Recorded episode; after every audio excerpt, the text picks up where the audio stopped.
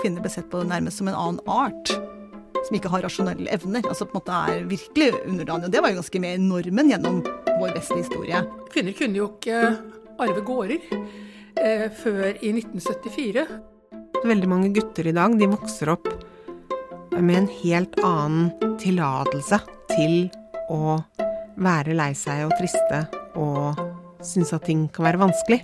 Jeg syns jo at dette med kvinnefattigdom er en veldig stor utfordring. Både menn og kvinner eh, mister veldig mye muligheter. Så jeg har vært opptatt av at menn også skal få nye muligheter gjennom likestillingskampen. Du lytter til serien Kvinnekampen. Dette er episode to. Mannsrollen etter feminismen.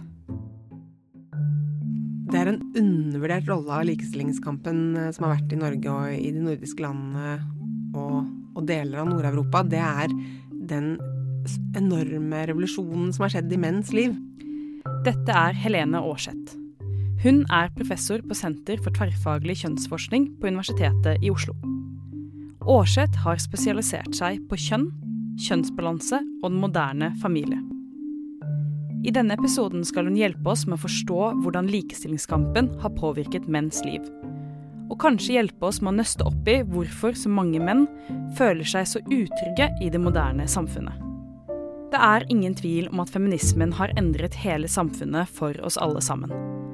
Aarseth trekker bl.a. frem at hennes amerikanske kollegaer blir sjokkert når de ser så mange menn trille på barnevogner her i Norge.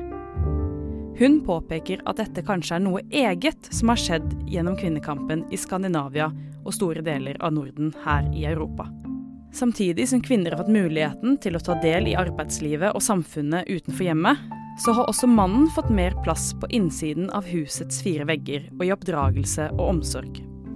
Omsorg ikke bare handler om liksom, det praktiske knyttet til husarbeid og smøre matpakker og skifte bleier, men at omsorg handler om å være i kontakt med menneskelige behov og menneskelige prosesser, og at det å ha omsorg for hverandre også kanskje henger litt sammen med din egen omsorg for deg selv.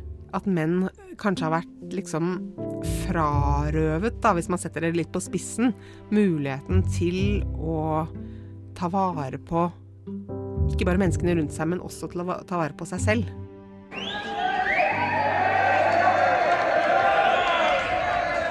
Vi befinner oss midt i en demonstrasjon. På plakatene står det skrevet 'Stopp feminiseringen av samfunnet'. Fremtiden er postfeminismen. Mennene og kvinnene som er samlet her, er alle enige om at feminismen har brakt med seg diverse endringer som ikke er bra for samfunnet. For mens mange hyller den store fremgangen i likestillingen, er det noen som mener at dette har gått for langt. Og at kvinner og menn tilhører visse roller i samfunnet. Men hva kommer dette egentlig av? Vi er jo inne i en tid hvor det er liksom mer utrygghet. Så det tror jeg kanskje en måte å tenke på det rundt dette her, er at, at, dette handler egentlig veldig mye om følelser. Altså at det handler om at mange nå er redde på en eller annen måte, da. Altså at vi føler at noe er truet. Det kan være um, krevende liksom å finne sin plass i samfunnet. Det, vi er liksom Vi har liksom nå hatt noen tiår med um, et samfunn hvor det er veldig vekt på konkurranse, og at det handler om å være liksom et Vi skal alle være et overmenneske, på en måte. Vi skal være vinnere, og hvis ikke vi er vinnere, så, så er vel tapere. Det er mye som står på spill, fordi vi kan ikke bare være sånn bare være oss selv og bare være Bare leve livet og bare ta for gitt at det uh, vil gå bra. Det er liksom Ja, sånn gjen, Samfunnet er litt gjennomsyret, syns jeg, av at uh, hvis ikke du liksom er en vinner, så så kan du falle gjennom, liksom. Og det, da tenker jeg Dette blir litt sånn spekulasjon, kanskje, men,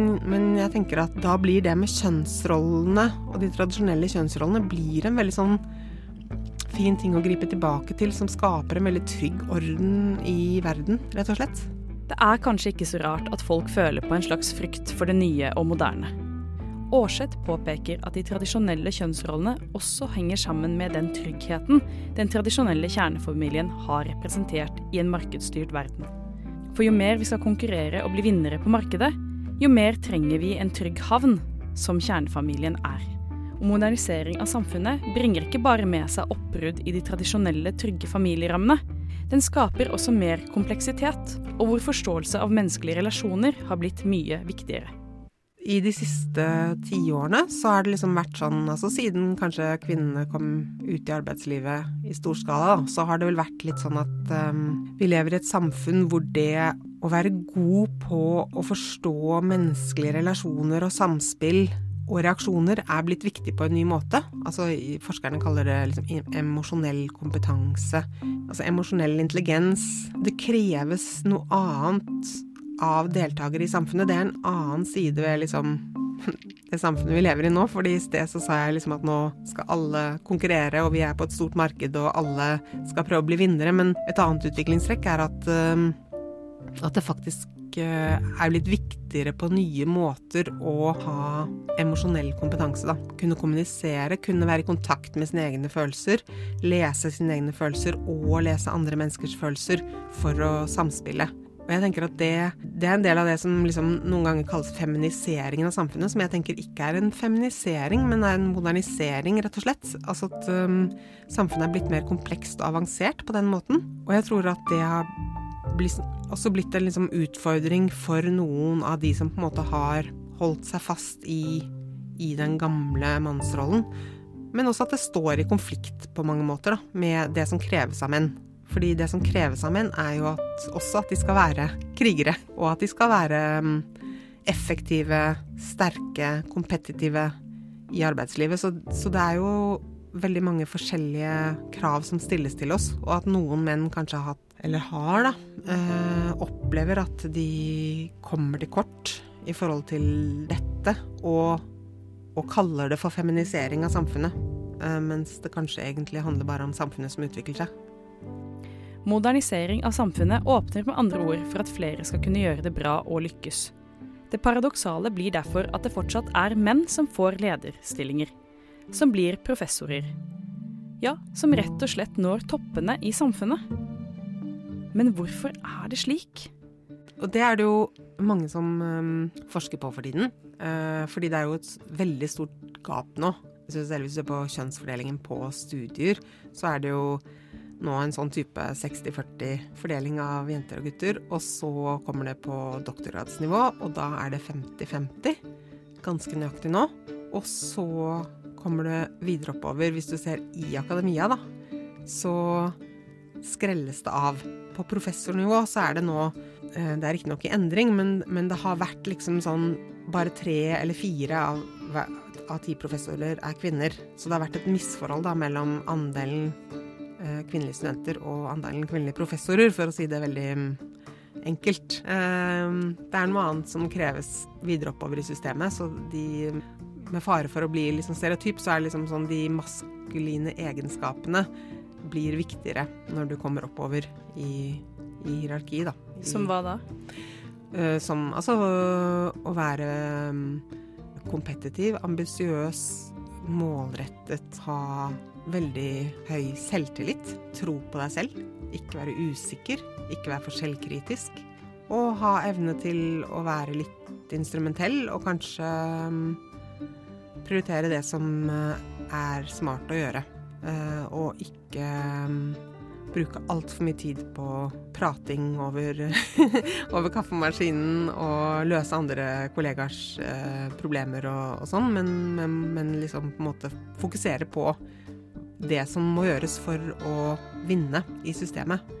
Så jeg tenker at det å være bedre på å konkurrere, det er fortsatt kjønnsdelt, mener jeg. Og jeg er jo ikke helt sikker på at løsningen er at kvinner skal bli bedre i å konkurrere, men det, der er det forskjellige syn. sånn at mange mener jo at liksom, hvis bare kvinner blir flinkere til å konkurrere som menn er i dag, øh, og mer instrumentelle og bedre på liksom å fokusere på på um, å gjøre det bra på jobben og ikke være så opptatt av menneskene rundt seg, så vil vi få halvparten professorer. og det er veldig bra, mens eh, jeg eh, mener vel egentlig litt at da har vi tapt. Dette er vanskelig, for hvorfor har vi tapt? Jo, fordi jeg mener at det som, det som er problemet med den kjønnsubalansen i f.eks. universitetet eller i arbeidslivet i første omgang, det er jo at eh, vi får bare én type mennesker som leder og er med på å forme verden. Altså for de som sitter i lederstillinger, enten det er i, på universitetet eller i arbeidslivet eller i politikken, de er jo med på å forme verden. Og vi vil gjerne ha at de som former verden, har en mest mulig rik tilfang på menneskelivet. Mens hvis vi dyrker fram en, en sånn uh, markedsorientert, markedsrettet konkurranse, som jeg mener man gjør veldig mye i dag da, i arbeidslivet, og i politikken også for den saks skyld, så får vi kanskje nettopp de menneskene som er mer orientert mot å vinne konkurransen, og mer instrumentelle og mer målrettet og mer selvsikre. Og mindre selvkritiske og usikre og orientert mot andre menneskers behov. Og, og mer villig til å ofre egne behov også, for den saks skyld. Men jeg tenker at da var jo vinninga gått opp i spinninga, for å si det sånn, med likestillingen.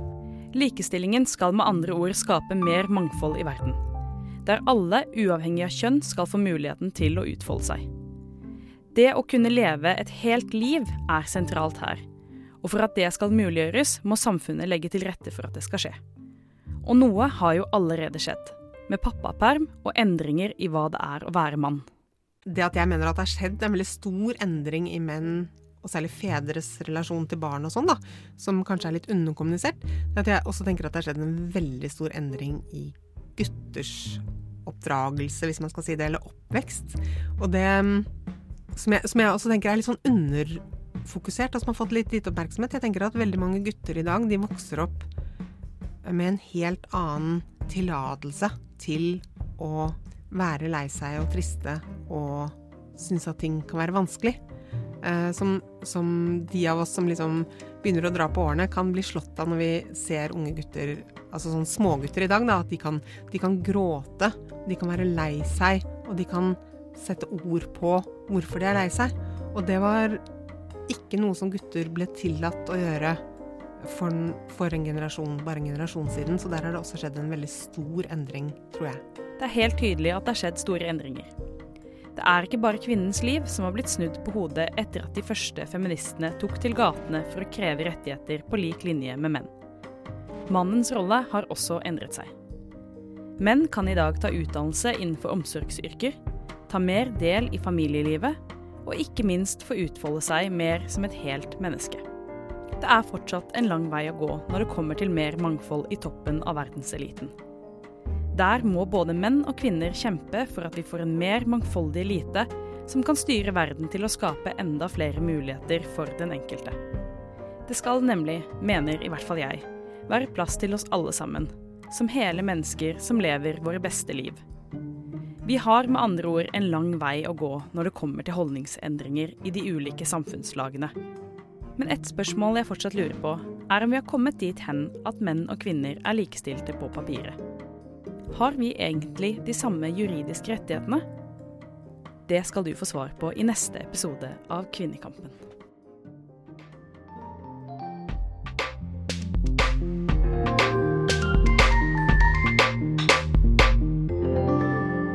På en Radio Nova-podkast.